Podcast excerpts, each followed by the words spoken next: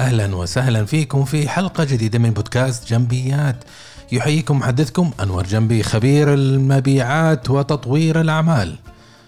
حلقة اليوم إن شاء الله تعجبكم. حنتكلم عن الروتين اللي ممكن يخرب لنا اليوم. عنوان اللقاء اليوم أو عنوان الحلقة اليوم تجنب فقد السيطرة على مهامك بترتيبها. الحقيقة إنه إحنا نبدأ أيامنا بروتين معين وحنشوف بعد المقدمة إن شاء الله. حنتكلم عن كيف ممكن هذا العادات اللي إحنا تبنيناها ممكن إنها تضيع مسارنا وتقدمنا وإنتاجيتنا. خليكم معنا إن شاء الله بعد المقدمة. أهلا وسهلا بكم في بودكاست جنبيات. تحب تتطور في عملك، حياتك، شخصك. ومن وجهة نظر إدارية أنت تستمع الآن لبودكاست جنبيات. نقدم لك خبرات سنين في الإدارة وتطوير الذات ونظرة جادة. إلى حل المشكلة زور المدونة على gambi.me والآن مع المدرب. أنور جنبي. وحب المقدمة هذه. حماس. آه وخلصنا زي ما قلنا في المقدمة وقلنا إنه إحنا نبدأ أيامنا باستخدام عادات وهذه العادات ممكن إنها تفقد سيطرتنا وممكن تفقد تركيزنا. آه لا تستهينوا في الموضوع. ترى فعلا هذا النقاط والموضوع محورية بحيث إنه إحنا ممكن إحنا نشوف الكثيرين يبدأ صباحه بعادات سيئة. طيب إيش يسوي الغالب؟ الغالب إيش يسوي؟ يصحى الصباح يبدأ يهرش يفكر يهبد ويبدأ يمارس مهامه آه اليومية. فيمد يده على الجوال يطالع في الجوال يشوف الإيميلات يشوف السوشيال ميديا ثم يلبس وينطلق ليومه. يفتح الإيميل في العمل آه ويبدأ يرد على إيميلات وكان يوماني واتصالات تجي وهذا لين خلص اليوم أخذ نفسه وجري رجع البيت اندس. وهذا غالب الناس هذه أيام العمل. هذه العمل اللي هو ينجز. لما يجي يخلص الفترة لو نقول إنه فترة نهاية الشهر نهاية الربع نهاية السنة طيب أبو الشباب أنت كان عندك أنت معايير قياس معينة مفروض أنت تنجزها مفروض أنت تسويها. إيش سويت في في هذا في هذا المضمار أو في هذا المجال؟ يكتشف إنه هو يقول لك والله أنا شغال ومضغوط وما أقدر أسوي أي شيء زيادة. مشغول لأنه هو فعليا يقوم بأعمال الروتينية. طيب حطوا في بالكم أنتم. لما إحنا نقوم ب... بأيامنا هذه السيناريو اللي إحنا ذكرناه نكتشف إنه ودرسناه وتعمقنا فيه نكتشف إنه إحنا فعليا نقوم ب يعني ردات فعل أكثر من إن نكون استباقية. أكثر من إنها تكون استباقية. أفعالنا تكون لاحقة. لاحقة. يعني الشيء صار بعدين آخذ ردة فعل. وهذه مشكلة كبيرة. أنت لازم تقود. أنت ناجح. ما ناقصك شيء. وأنت ناجحة. ومو ناقصك شيء. المفتاح هنا إنك أنت لازم تكون استباقي. مفروض إنك أنت قد حددت الهدف. وعارف المطلوب منك وعارف الأهداف وعارف المهام. وتركز أنت 80% من مجهودك على هذه الأهداف وعلى هذه التارجتس اللي أنت مفروض تحققها خلال آه، عملك. أما أنك أنت تكون لاحق تقعد تركض وراء أوامر. لما جيت كتبت عن هذا الموضوع في في اللينكدين أحد الأخوان رد علي وقال لي طيب أنا المهام تجيني على الإيميل. طيب أنا فاهم إنه الإيميل وسيلة التواصل أنا ما بقول لك قفل الإيميل ولا تشتغل عليه. وعلى فكرة الإيميلات اللي تجيك هذه أوامر. أوامر تدخل على حياتك وممكن أنت تعتبرها نوع من المشتتات عن هدفك. هدفك هو المطلوب منك إنك أنت تحققه. الإيميلات مهام أو أهداف ناس ثانيين. هم يبغوا يحققوا أهدافهم ويفوضوك إنك أنت تسويها. آه، أمس أو اليوم الصباح كنت مع أحد الزملاء في العمل وكان يتكلم عن أحد الموظفين السابقين وكان يشين فيه يعني صراحة آه، من ناحية مهنية طبعا.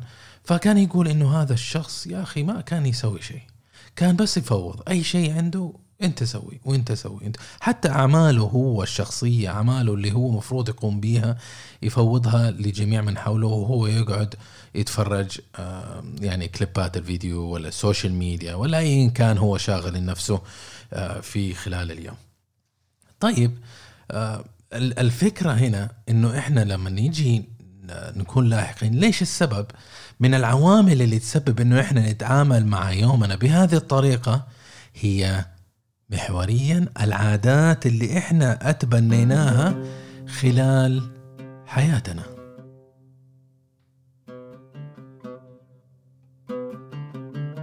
العادات اللي إحنا تبنيناها خلال حياتنا إيش معنى هذا الكلام؟ إحنا طبعا من أكثر الطرق اللي إحنا نتعلم فيها هي آه، النسخ لصق أو آه، ال modeling modeling أو المطابقة. بمعنى إنه إحنا من يوم إحنا أطفال نشوف أمهاتنا إيش يسووا إحنا نسوي زيهم إيش كيف يتكلموا وإحنا نتكلم زيهم. عشان كذا الأطفال يكبروا ياخذوا لهجة أهاليهم ياخذوا عاداتهم ياخذوا أطباعهم آه، ويعطيهم العافية الاهالي الأقارب المجتمع المجتمع اللي أنا عايش فيه غير المجتمع اللي أنت عايش فيه غير اللي هي عايشة فيه. فكل واحد عنده مجتمع وناس وأهل وزملاء وبيئة وظروف إحنا نحتك فيها.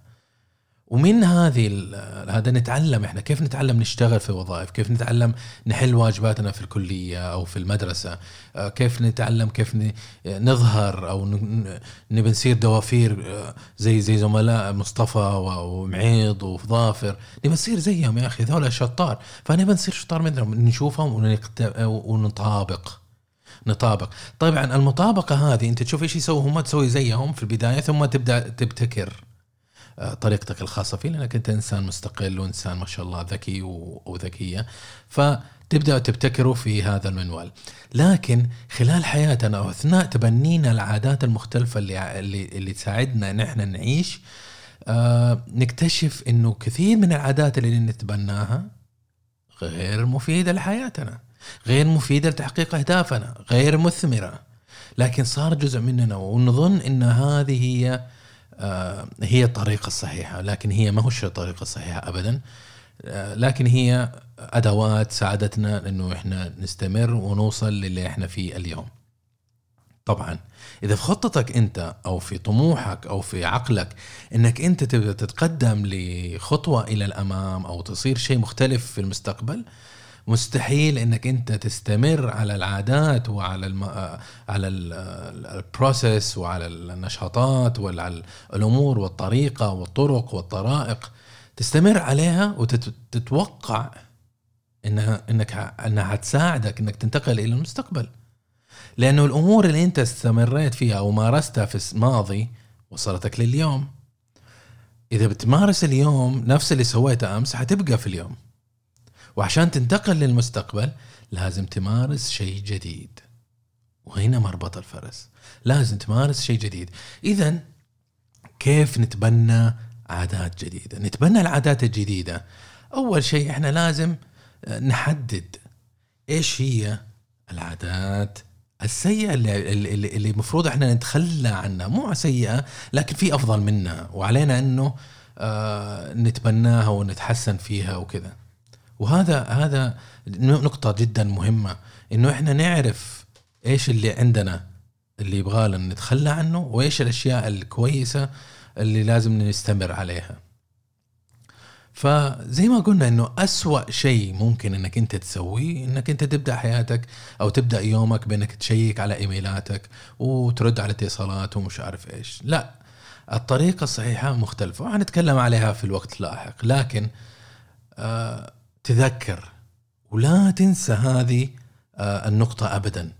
إنه آه، من عاداتنا اللي تبنيناها واللي تعلمناها واللي نست... نعمل فيها ونستخدمها اليوم ليست كلها آه، إيجابية وليست كلها مثمرة وليست كلها يعني هي ال ال ال الشيء اللي ممكن يفيدنا في إنه نكون ناجحين وننتقل إلى الغد. ففي منها خلينا نقول من الأمور اللي إحنا تبنيناها آه، تكون آه، صح عليك وفي أشياء يبغى لها تغيير. أوكي؟ فتذكروا هذه النقطة.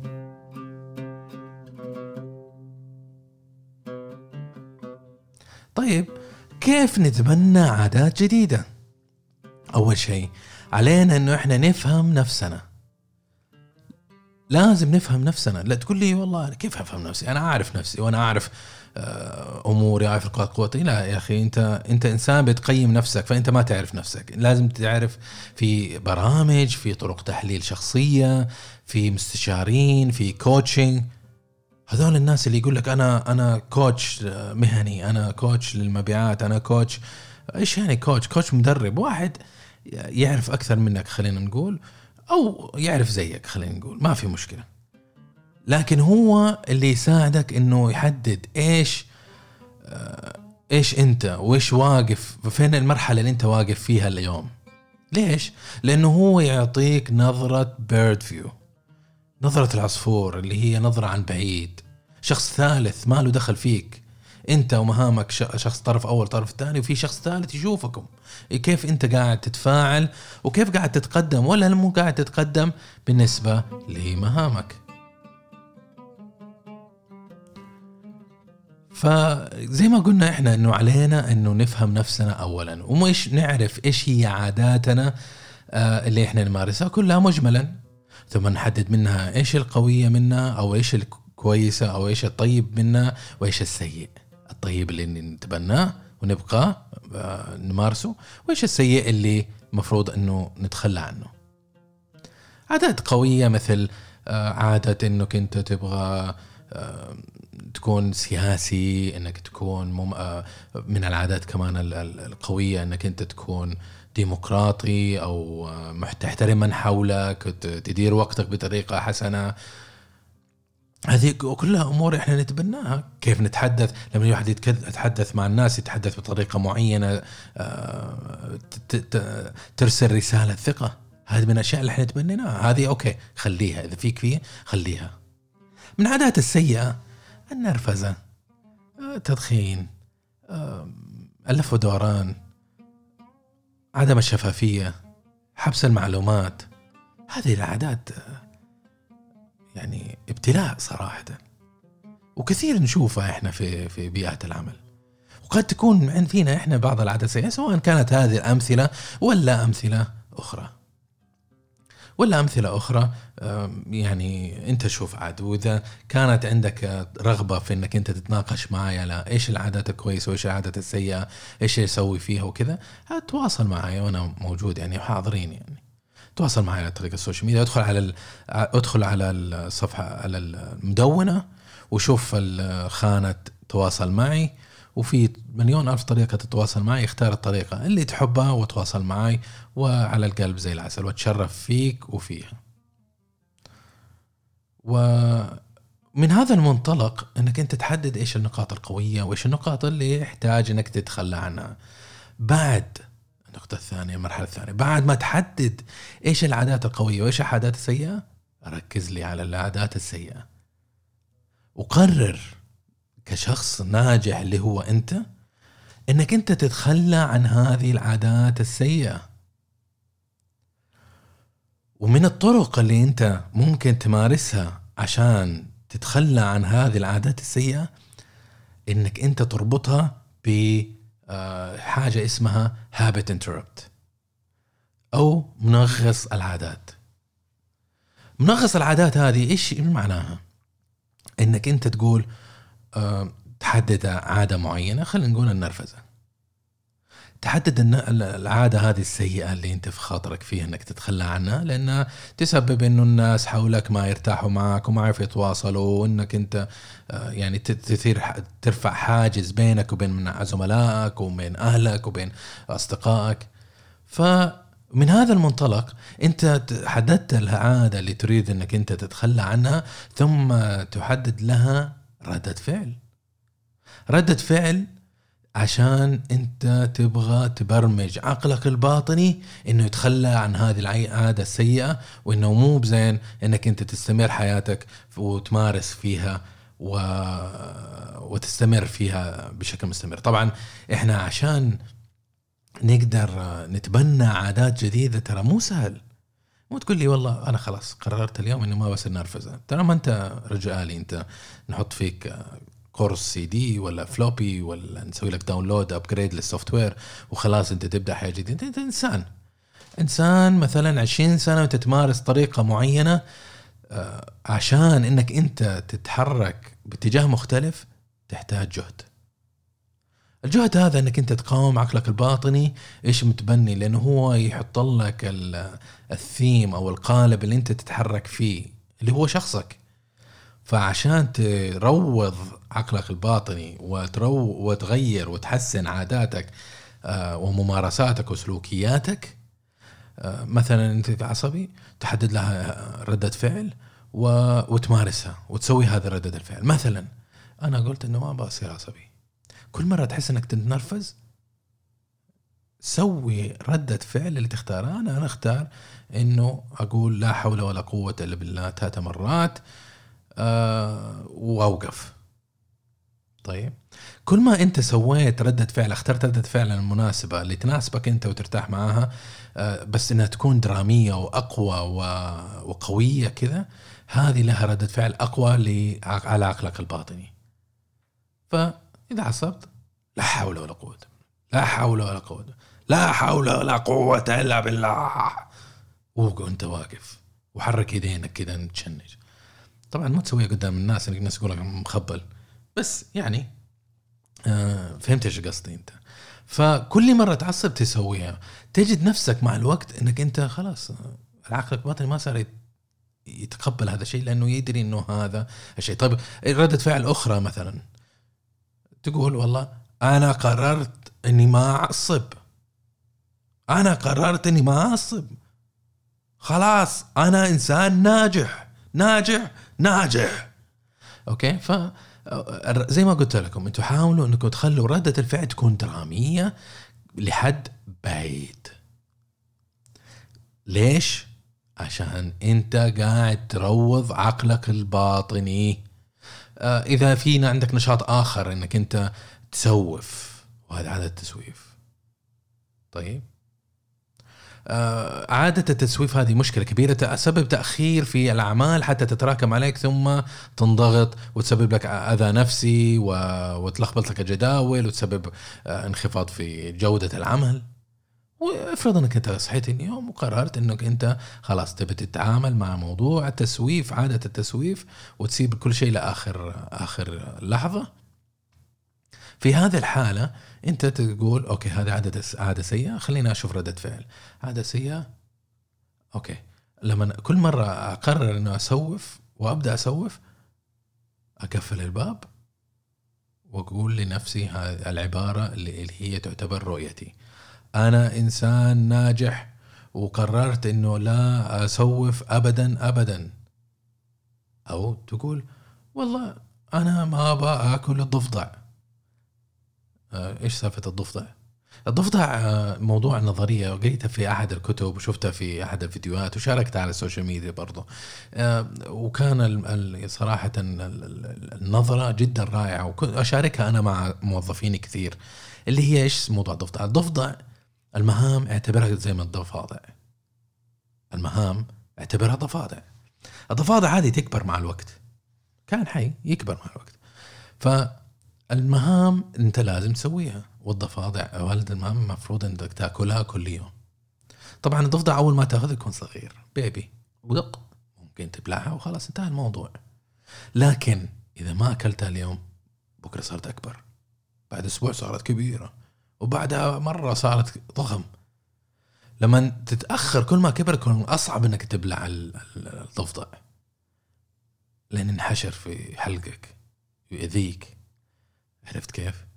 فحط في بالك إنه المهام التي تسويها لازم تأكل الضفدع حتأكل الضفدع. يا قرار قرارك. يا إنك تأكلها وهي صغيرة أو تأكلها وهي ضخمة وتنحشر في حلقك والناس يضحكون عليك إنك أنت ضفدع محشور في حلقك ورجولها خارج من فمك وأنت مزنوق وبالقوة قاعد تزغلط فيها. صورة بشعة شوية. لكن الهدف إنك أنت تعرف إنك أنت تتبنى عادات جديدة وتتبناها بالطريقة الصحيحه وإنك كيف تتعامل وتحط habit interrupts بحيث إنك أنت تبر... تعيد برمجتك كشخص وتصير أنجح. أنت ناجح وتصير أنجح. أنت ناجحة وتصيري أن أكثر نجاحا يا أختي الكريمة.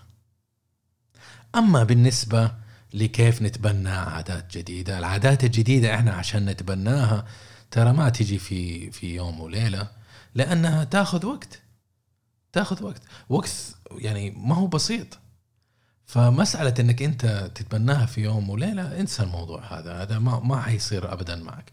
فعش تسألني قديش طيب أنا يبغالي أمارس وأدرب نفسي وأروض نفسي عشان أنا أتبن أتخلى أتأكد إنه تخليت عن آه هذه العادة التعيسة العادة الغير مثمرة. بالنسبة إحنا كناس لأن إحنا تبنينا الاشياء السلوكية هذه عشان تعدلها وتعدل عادة أنت تمارسها فتأخذ معك متوسط 66 طبعا ممكن يكون أقل ممكن يكون أكثر وفي range لها ال range هذا يتراوح بين 18 يوم إلى 245 يوم يعتمد على العادة وكيف هي مترسبة في شخصيتك. لكن خلينا نقول في الوسط بين ال 18 و 245 خلينا نقول 66 يوم عشان ما ننساها حتى. كل ما انت جيت. اشتغلت على نفسك تروض عقلك الباطني وتروض عاداتك وسلوكياتك حط في بالك انك انت تمارس وتضغط على نفسك وتجبر على نفسك انك انت تسوي قائمة لمهامك انك انت تضغط على نفسك انك انت متعصب انك تتواصل مع الناس باحترام انه شوف العادة اللي انت تبي تتبناها تب- تتميز فيها واستمر مراقبة نفسك 66 يوم. طبعا إذا استمرت 66 يوم خلاص انزرعت فيك. وسالفة الزرعت فيك آه، للي الناس اللي يعرفوا ناس في ارامكو أو عندهم أقارب في ارامكو أو عندهم أخوان في ارامكو آه، تجد الشخص حتى لما يخرج من ارامكو سواء تقاعد استقال أخذ وظيفة ثانية يمارس نفس العادات ليش؟ لأنه ارامكو ما شاء الله تبارك الله كمنظمة تزرع كثير من المهارات السلوكية في موظفينا بالتدريب والممارسة حتى صارت لهم ثقافة معينة لما تدخل ارامكو تحس إنه في الناس كلهم يا أخي يشبه بعض ليش؟ مو عشانهم يشبه بعض لأنهم تعلموا تلك السلوكيات من المنظمة وتعلموها من من من بعض. الشاهد هنا لما ياخذ العادات هذه وصارت ترسبت في شخصيته ويخرج من المنظمة ترى هو ما يمارسها عشان عشان هو آه، يعني آه، عشان هو بس في أرامكو لكن حتى لما يتقاعد ويروح البيت تلاقيه يمارس نفس تلك العادات. مر علي ناس كبار في السن رجال آه، شايل نفس الأقلام في جيبه شايل أوراق في نوتات عشان يسجل ليصحى يحط جداول مهام لأولاده آه، لما يروح المقاضي مثلا الجمعة أو السبت يبي يشتري مثلا دونت آه، يقول لهم okay كل واحد يا فلان وفلان وفلان وفلان كل واحد يكتب لي إيش يبغى آه، نوع الدونت عشان أشتري له إياه.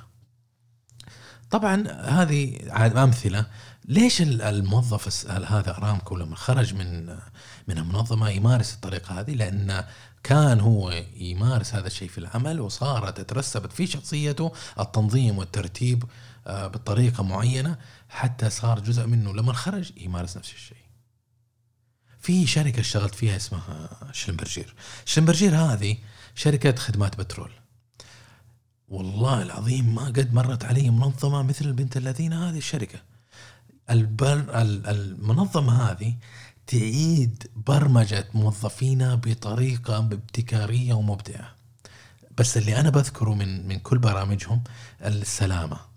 يزرعون السلامة مو شوف لما تروح منظمة يقول لك يا أخي السلامة السلامة. آه، المنظمة تمشي في ناحية والموظفين في ناحية أخرى. يعني لو مو مسؤول ال- السلامة معدي في في المكان والله أنا ما أفكر فيه. لكن هذيك المنظمة زرعتها في شخصيتهم. بالاستمرارية وبالتدريب وبال coaching وبالمراقبة وال managing and control بشكل مستمر صارت ترسبت هذه العادات في موظفينها. وفيني أنا لما كنت موظف. إلى يومك هذا لما نوقف عند إشارة دربونا إنه لما نوقف عند إشارة لازم نشوف الكفرات الخلفية لل- للسيارة اللي قدامنا. عشان نتأكد ان في مسافة كافية بيني وبين الشخص اللي أمامي. عشان لما احد يصدمني لا سمح الله من الخلف ما أرزع في في السيارة الأمامي هذه من العادات اللي أنا استلمتها من من شلمبرجير في 2003 2004 الآن إحنا 2020 وإلى يومك هذا. يعني واحد راكب معي يقول لي يا أخي ليش سايب 600 متر. قلت لا هذه الطريقة الصحيحه طريقة أخرى لما أجي أرجع ريوس من موقف أبى أطلع للخلف دائما أشغل flasher. أشغل flasher. قبل أركب السيارة أطالع تحت السيارة. وأنا ماشي كذا بشكل سريع. أخذ لفة حول السيارة أطالع تحت السيارة في زيت ما زيت بنزين لا سمح الله ولا شيء أركب السيارة وأمشي. الحزام طبعا هذا قبل ما يصير قانون عندنا في السعودية وإجباري الحزام كان لي ولزوجتي ولأولادي. الأطفال اللي يقعدوا في مقاعد. هذه كلها تبنيناها زرع علمونا هم. علمونا هي. طبعا العادات في السواقة والسرعة والمطبات والأشياء هذه هذه كلها آه، حتى السواقة يعني شوف لاحظ لما أسافر أن في نظام عندهم ما تسوق أكثر من سين من الوقت والله ناسي اللي تقريبا ساعتين ساعة ونص. آه، بعدها توقف تستنى خمسة عشر دقائق تريح فيها وبعدين تركب تستمر. عشان إيش؟ عقلك يفك ويصير نشط. طبعا أنا ناسي الوقت لا تقول لي كيف كيف ناسي الوقت وتقول لي إنك تمارسها. أنا بالنسبة لي أسوق مثلا إذا حسيت إني تعبان على طول وقفت لبقت و... و... وريحت.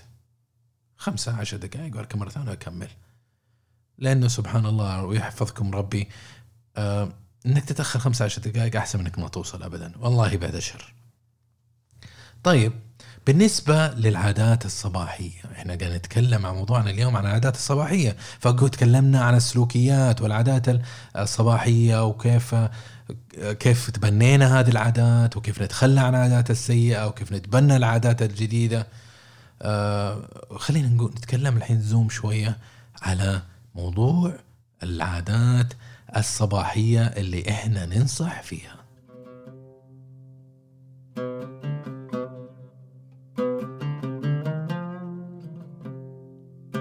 العادات الصباحية اللي أنصح فيها صراحة أشوف إنه أبدا أبدا لا تبدأ بالإيميلات. لا تبدأ أبدا بالإيميلات. انتهى. انسى إنك أنت أول ما تبدأ يومك أول ما تروح المكتب تفتح إيميلاتك. أول ما تصحى الصباح طالع في السوشيال ميديا لا تسوي هذا الشيء. أول حاجة تسويها تحدد مهامك. حدد مهامك. كيف احدد مهامي؟ جيب ورقة يا أخي. واكتب. والله اليوم أبى أكلم العميل الفلاني. أبى أودي الغسيل. أبغى آه، اغير زيت السيارة. أبى أبى أبى أبى. اكتبها. هذه مهامك اليوم.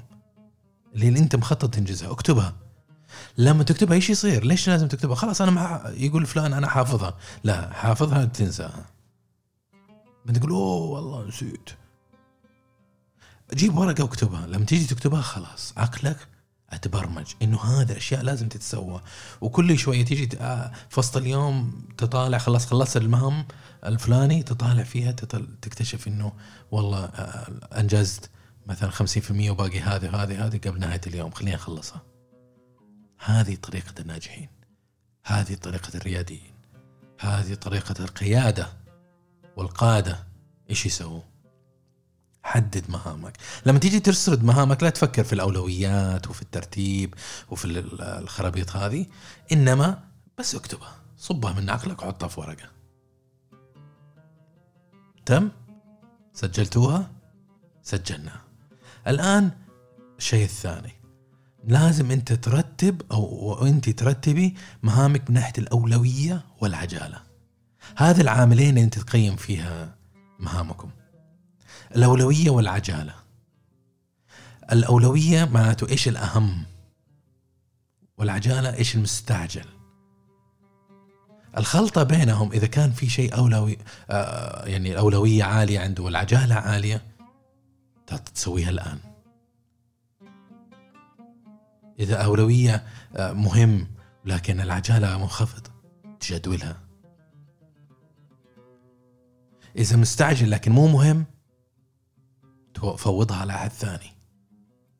تعطيه مستعجلين عليها لكن مو مهمه مو لازم أنا أض- أستثمر وقتي وجهدي ومهاراتي في في هذا الشيء الغير مهم. دفع على واحد ثاني يسوي لك إياه. فوضها. أما الشيء اللي مو مهم ما لها أولوية ولا لها ولا هي مستعجلة حطها على جنب انساها حطها في الدرج. ما هي مهمة ولا حد مستعجل عليها. حط حطها بس. إذا إنك فاضي أنت أول شيء ركز على المهم وركز على الناس اللي عينهم عليها ثم بعدين تفلسف وسوي أشياء غير مهمة وغير مستعجلة. وعلى فكرة أغلب الناس لدرجه عالية جدا يضيعوا في مجال الأشياء الغير مهمة والأشياء الغير عاجلة والأشياء العاجلة والغير مهمة. العجالة لما واحد يجي يقول لك بسرعة أبغاها تخلصها خلص خلص خلص خلص. هذه توهمنا كثير إنه إحنا علينا إنه إحنا نسوي هذا الشيء بسرعة. ليش؟ لأنه في آه، حركات الإطفاء هذه مستعجلين. يبوها مستعجلين الجماعة. بس يا أخي مو مهم. مو مهم. في أشياء مهمة ثانية. okay؟ فهمنا؟ ركزوا على موضوع الأولويات. والعجالة. آه، سووا search فيها في جوجل في matrix كده مربع. أحاول أحط لكم الصورة في في المدونة مكان. في صورة في الصفحة حقت الحلقة هذه حتى إنكم يمديكم تاخذوا نظرة عليها. وصراحة جدا رائعة وجدا مهمة في ترتيب الأولويات. لما ترتب أولوياتك النقطة الأولى قلنا إنه تسردها ولا تفكر في الترتيب وكذا. النقطة الثانية رتبها. ورتبها من ناحية الأولوية والأهمية والعجالة. النقطة الثالثة حط time frame حط إطار زمني معقول.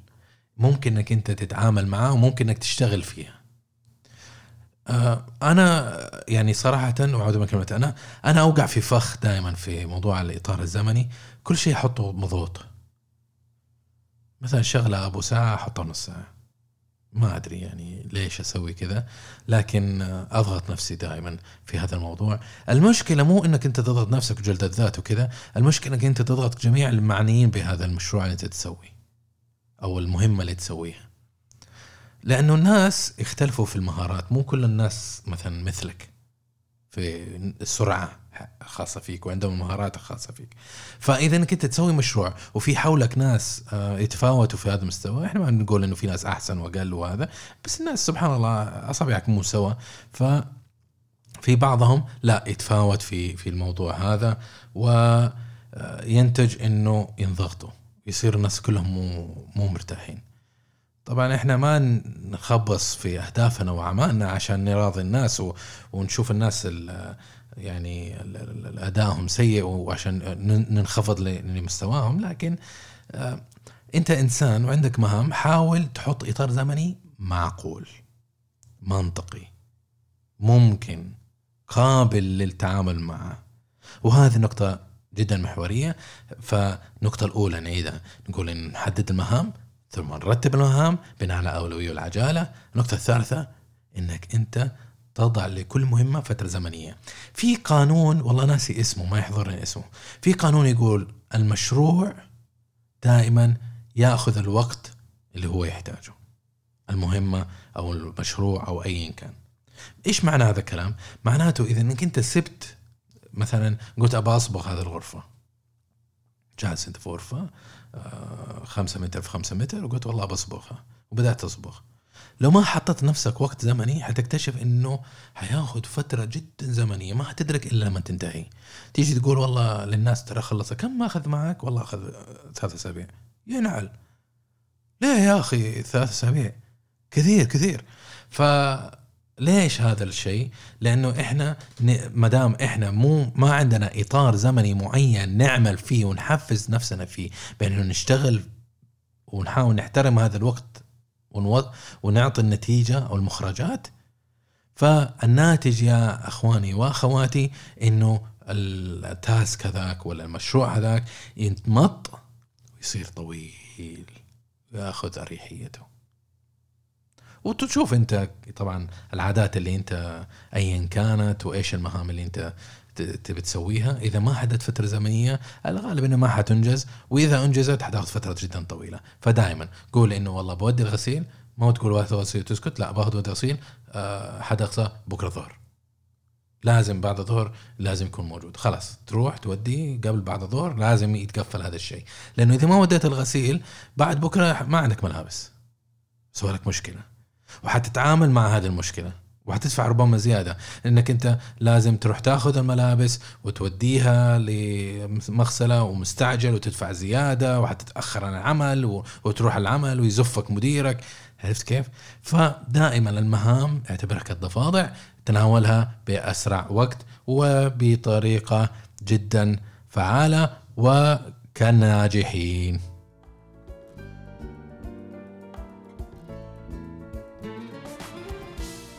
حلقة اليوم كانت ممتعة صراحة أنا استمتعت فيها أتحدث معاكم وآمل أنكم تستمتعتوا أنتم كمان ولقيتوا فيه فائدة وهذا الهدف أنكم تلاقوا فيها الفائدة أتمنى يا أخواني وأخواتي أنكم أنتم تطبقوا هذا الكلام. آه، طبقوا هذا الكلام وحاولوا إنكم أنتم تعملوها بطريقة آه، بسرعة لا لا لا تسوف فيها. اتبنى عمل. اتبنى عمل أو خطة يومية زي ما تعلمنا إحنا اليوم. وحط في بالك إنك تمارسها لمده 66 يوم القادمة. تبنى العادة الجديدة مهم جدا إنك تحط في بالك إنه خلاص هذا أنا أنا بسوي هذا الشيء. نسبة الفشل والعودة لمنطقة الراحة ترى جدا عالية إذا أنت ما حطت هذا الشيء. ولازم تعرف أنه هذا الصعوبة أنك أنت في منطقة الراحة. وانت تجبر نفسك بهذه الطريقة انك تخرج من منطقة الراحة وتترك مهارات وتترك عادات انت كنت تمارسها طول حياتك الآن تبي تتخلى عنها. لأنك تجبر نفسك لخروج من منطقة الراحة والعادات يتم تبنيها زي ما قلنا خلال حياتنا الطويلة.